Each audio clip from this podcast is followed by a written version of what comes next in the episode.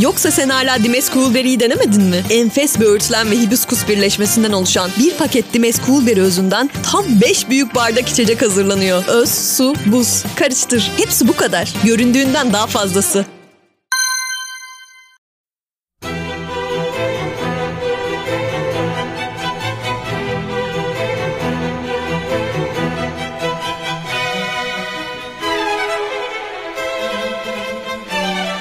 Herkese merhaba, Sinematris'te Görkem Öge birliktesiniz. Bu haftaki programımızda Transformers evreninden bu efsanenin son bölümü olan Rise of the Beast, Canavarların Yükselişi filminden bahsedeceğiz. Fark ettim ki Sinematris programlarının hiçbirinde Transformers'a bir program ayırmamışız. Demek ki program yaptığımız süre boyunca hiçbir Transformers gösterime girmemiş, gündemde olmamış. Yani aslında çok önemli bir seri, güçlü bir seri. Biliyorsun sinema tarihinde hani çok sayıda uyarlama, film, seri vesaire var tabii ki.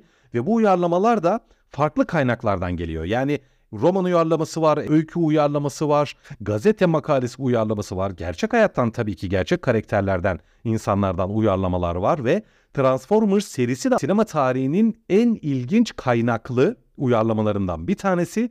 Transformers bir oyuncak uyarlaması. Hemen ondan kısaca bahsedeyim size, tarihinden bahsedeyim. Amerika'nın en büyük oyuncak şirketlerinden bir tanesi olan Hasbro, 1984 yılında Japonya'nın en önemli ve büyük oyuncak şirketlerinden bir tanesi olan Takara ile bir işbirliği yapıyorlar. Diyorlar ki biz otomobillere, hayvanlara, çeşitli ev aletlerine dönüşebilen robot oyuncaklar üretelim. Bu bir oyuncak fikri. Aslında bunun da öncesi vardı artık o kadar geçmişe gitmeyeyim. Bir oyuncak serisi ortaya çıkarıyorlar Transformers diye. Bu oyuncaklar çok tutuyor, çok seviliyor, çok satılıyor. Bunun üzerine aynı yıl 1984 yılında bu başarının üzerine bir animasyon çizgi film, televizyon serisi yapılıyor.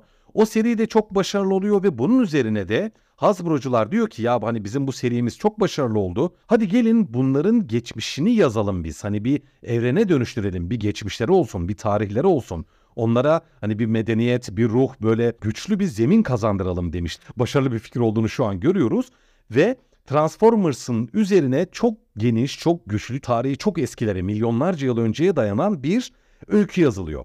Şimdi gelelim bu öyküye çünkü bu öykü zaten bizim sinemadaki Transformers maceramızın da başladığı nokta oluyor. Şimdi bu öyküyü tamamen anlatmadılar ama hep o öyküden beslendiler. Birçok farklı Transformers filminde ta 1980'lerde yazılan o Transformers öyküsünün parça parça ayrıntılarını, detaylarını, geçmişini, öncesini, sonrasını öğrendik. Cybertron diye bir gezegen var. Bizden milyonlarca yıl ilerlemiş bir medeniyet yaşıyor bunun üzerinde. Canlı, çok gelişmiş, çok güçlü robotlar var. Bu robotları da yaratan bir kendi teknolojileri var. Küp diyorlar yani bir küp böyle teknolojileri, güçleri, medeniyetleri oradan geliyor.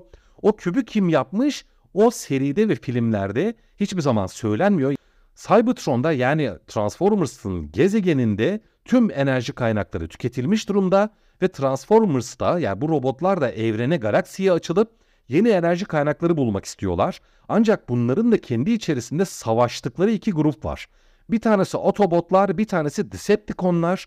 Autobotlar daha onurlu, erdemli, daha hassas, efendi, düzgün, iyi adam robotlar. Decepticonlarsa kötüler. Hani kötü grup diyelim onlara. Temel olarak ayrıldığı noktaysa şu ki Autobotlar ve lideri özellikle Optimus Prime tam bir böyle hani onurlu, erdemli, harika bir e, savaşçı lider Optimus Prime. Hangi gezegene gidip onun hani kaynaklarından, enerjisinden yararlanacaksa bunu barışçı bir yolla yapmak istiyor. Decepticonların lideri ise Megatron. Oysa son derece düşmansı tavırlarla hani gideceği gezegeni medeniyeti hiç de umursamadan onun enerji kaynaklarına çöküp böyle oradaki her şeyi alıp kendi gezegenini yani Cybertron'u kendi medeniyetini tekrar inşa etme çabasında falan. İşte Autobotlarla Decepticonlar bu temel farktan dolayı zaten birbirleriyle düşman durumdalar, savaşıyorlar. Hep savaşmışlar yani milyonlarca yıldır savaşmışlar.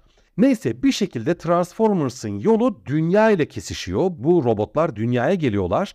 Tabii ki Optimus Prime hemen hani onurlu ve güçlü bir lider yaklaşımı olarak dünyadaki insanlarla işbirliği yapıyor. Ancak tabii ki Decepticonlar ve lideri Megatron ise dünyayı sömürülecek bir kaynak olarak görüyor ve insanlarla hani hiçbir böyle işbirliği falan yapmıyor. Direkt insanları falan öldürelim biz.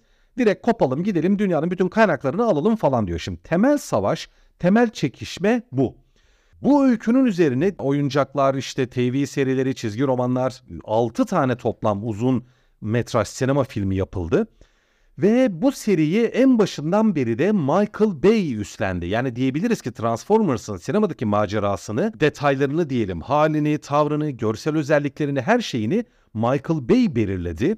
Michael Bay son derece fiyakalı gişe filmleri yapan, çok böyle eğlenceli, sürükleyici aksiyon filmleri yapan bir yönetmen. İyi bir aksiyon yönetmeni diyebiliriz. Şimdi aksiyon yönetmeni olarak iyi belki ama bir drama yönetmeni olarak, bir dramatik yapı uygulayıcısı olaraksa son derece kötü bir yönetmen diyebiliriz. Çünkü filmlerinin hemen hemen hepsinde basit karakterler, son derece klişe öyküler, sıkıcı e, hikayeler ve hani karakter derinlikleri falan var. Yani bir Michael Bay filminin karşısına geçtiğinizde özgünlüğün, farklılığın, sıra dışılığın kenarından ge- teğet geçmiyorsunuz yani. O kadar klişe bir yönetmen.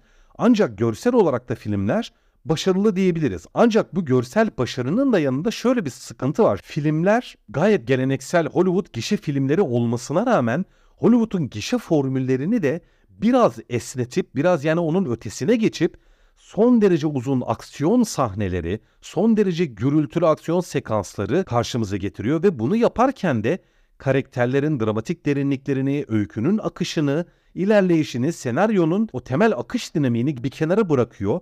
Bundan dolayı da neredeyse hani bütün Transformers filmleri dramatik olarak çok zayıf filmler, çok yorucu filmler. Eğlenceli mi eğlenceli okey ona bir şey diyemiyoruz. Yani görsel olarak, teknik olarak gerçekten üst düzey. Tabii çok yüksek paralar harcanıyor filmleri. 200 milyon dolar civarı hemen hemen her bölümün maliyeti var. Ancak buna rağmen bu görselliği çok zayıf bir dramatik yapının, çok zayıf öykülerin, çok klişe karakterlerin üzerine bindirerek karşımıza getirdiği için Michael Bay ortalama filmler hani totalde hani o film nasıl diye soracak olursanız bana göre ya vasat ya da vasat altı filmler. Şimdi Feri'nin ilk 3 filminde Shia LaBeouf bilinen hani Hollywood'un iyi oyuncularından bir tanesi bence. Hani performansı, oyunculuk yeteneği gayet yüksektir. Çoğunlukla aksiyon filmlerinde falan oynadı. Hani dramlarda falan da oynadı ama daha çok aksiyon filmlerinde onu gördük. İlk 3 filmde Shia LaBeouf başrolde oldu ve onun çevresinde olaylar şekillendi. Dördüncü ve beşinci bölümde Mark Wahlberg'ün getirdiği yeni bir karakter işin içerisine girdi ve iki tane film o karakter üzerine inşa edildi. En son bölümde ise Rise of the Beast'se ise o karakter de kenara bırakılmış ve yeni bir karakter merkeze alınmış gibi görünüyor. Hani bunun devamı olacak gibi görünüyor filmde. Öyle bir yapı vardı. Ondan dolayı Mark Wahlberg'ün filmleri Shia LaBeouf'un filmlerine göre biraz daha zayıftı bence. Yani 4 ve 5 ilk 3 filme göre biraz daha zayıftı. Ve 5 film boyunca Michael Bay dediğim gibi genel olarak dramatik olarak zayıf ama görsel olarak gayet güçlü ama biraz yorucu ve Hollywood senaryolarının formüllerini aksiyon için esnetip daha zayıf dramatik yapı karşımıza getiren filmler yaptı diyebiliriz.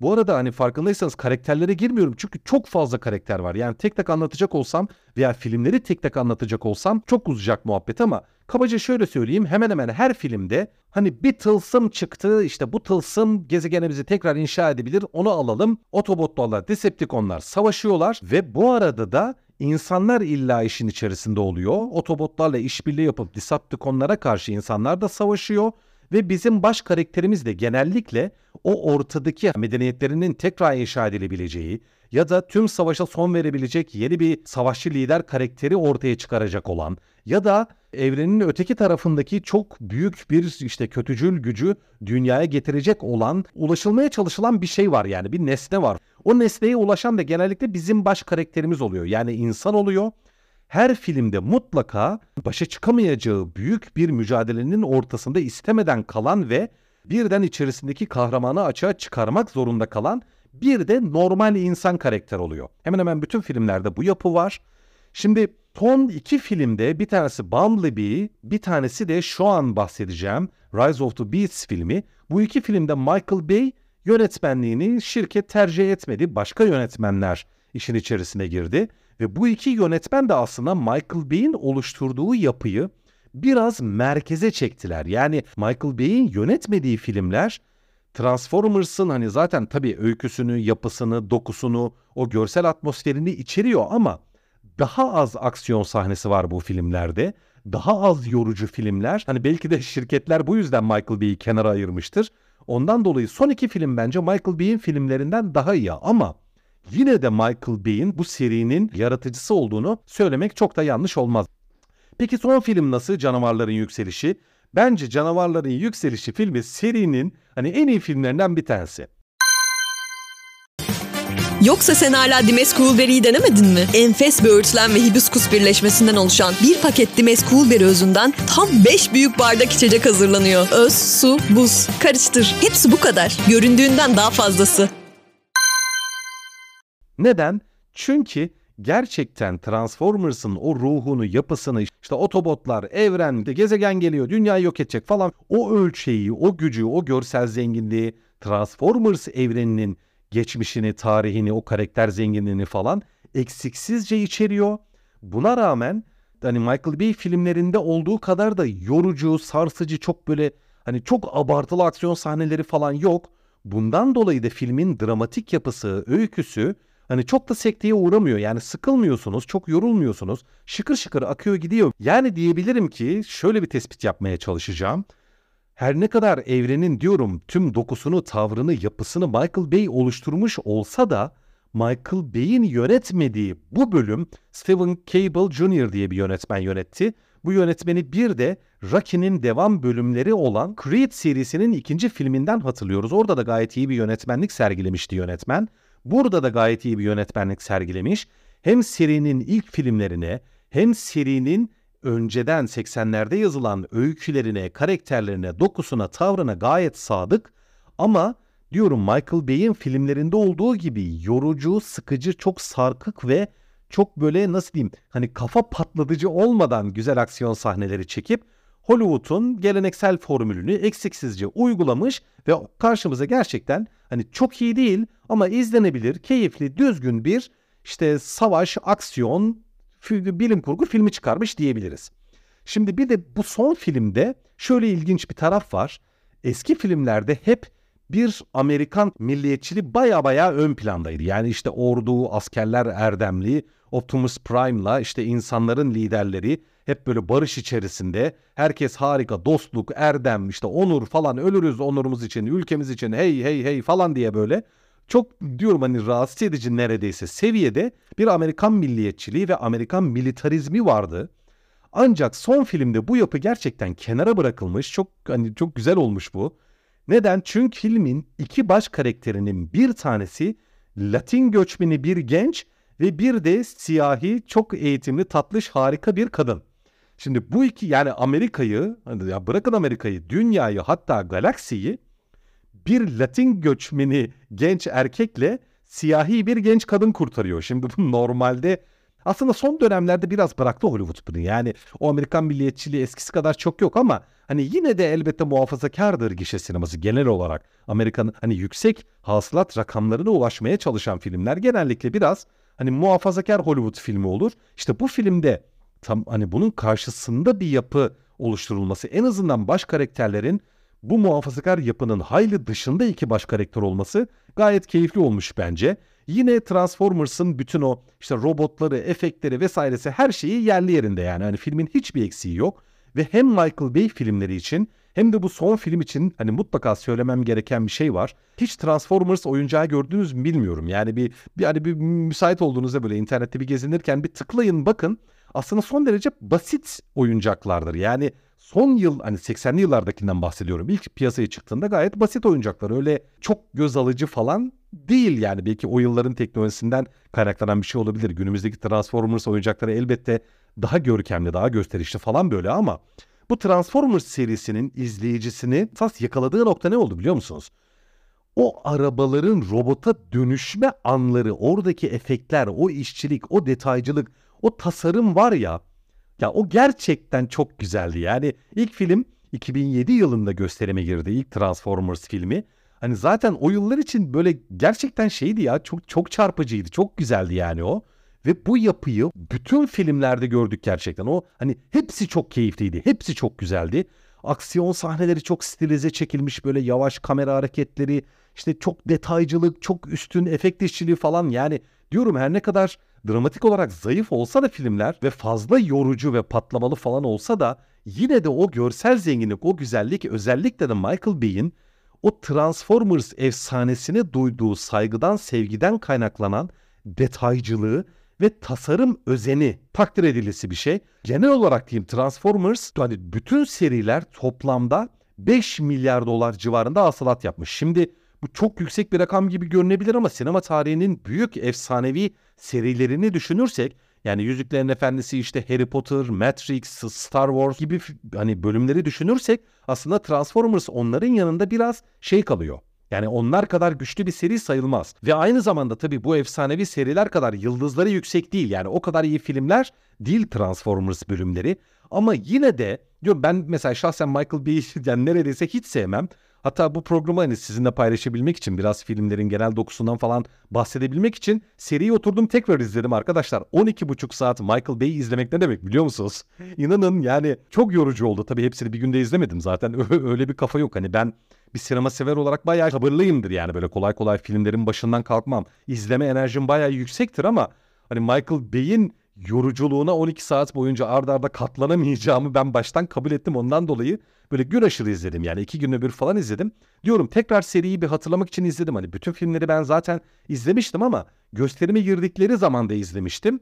Tekrar bir hatırlamam gerekiyordu hani serinin genel dokusu yapısı falan nasıl diye dediğim gibi sizinle paylaşabilmek için. Çoğu iyi filmler değil hani gerçekten bahsettiğim gibi dramatik olarak falan çok zayıf, çok klişe, çok böyle çocuk zekasına hitap eden çok fazla şey var filmlerde gerçekten ve hani mantık hataları şimdi hani tamam fantastik bir dünyadan bahsediyoruz elbette. Milyonlarca yıl gelişkin bir ırkın bizden milyonlarca yıl önce başlamış hikayesini anlatıyor. Tabii elbette fantastik bir öykü ama kendi içinde de tutarlı değil. Yani o kadar saçma sahneler, o kadar saçma yan öyküler, o kadar derin mantık hataları var ki filmde. Gerçekten uzun metraj filmler de çizgi film gibi. Şu noktaya varmaya çalışıyorum. Hani bana göre hiçbiri ya bu film gerçekten iyiymiş ya dediğim hiçbir Transformers filmi yok. Hatta bazı filmler için böyle gönül rahatlığıyla kötü diyebilirim ama totale baktığımda tüm hani bu inşa edilen Transformers evrenine baktığımda da evrenin kendisine de kötü diyesim gelmiyor. Hani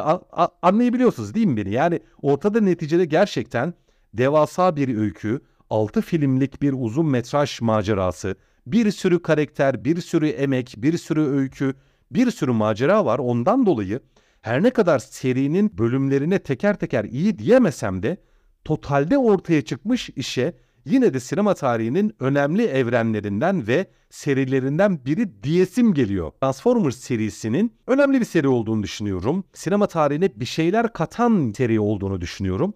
Ondan dolayı son reddede şunu söylemek istiyorum ki serinin ve evrenin aslında Michael Bay'in elinden kurtulması iyi olmuş. İlginç olan o.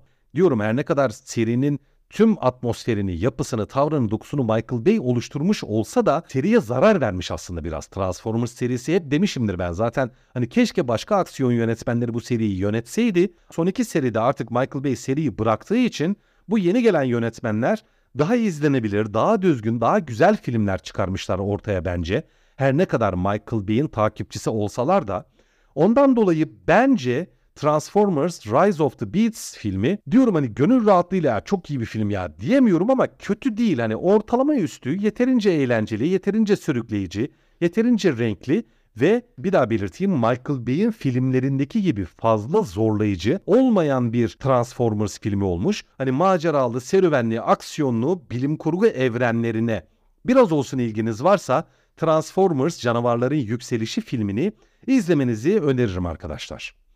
Evet bu haftalık bu kadar. Size biraz Transformers evrenini, Transformers tarihini, filmlerini, yapısını, dokusunu, tavrını özetlemeye, anlatmaya ve buradan yola çıkarak da şu an gösterimde olan Canavarların Yükselişi filmini anlatmaya çalıştım. Bu haftalık bu kadar. Önümüzdeki hafta tekrar görüşmek üzere. Teşekkürler.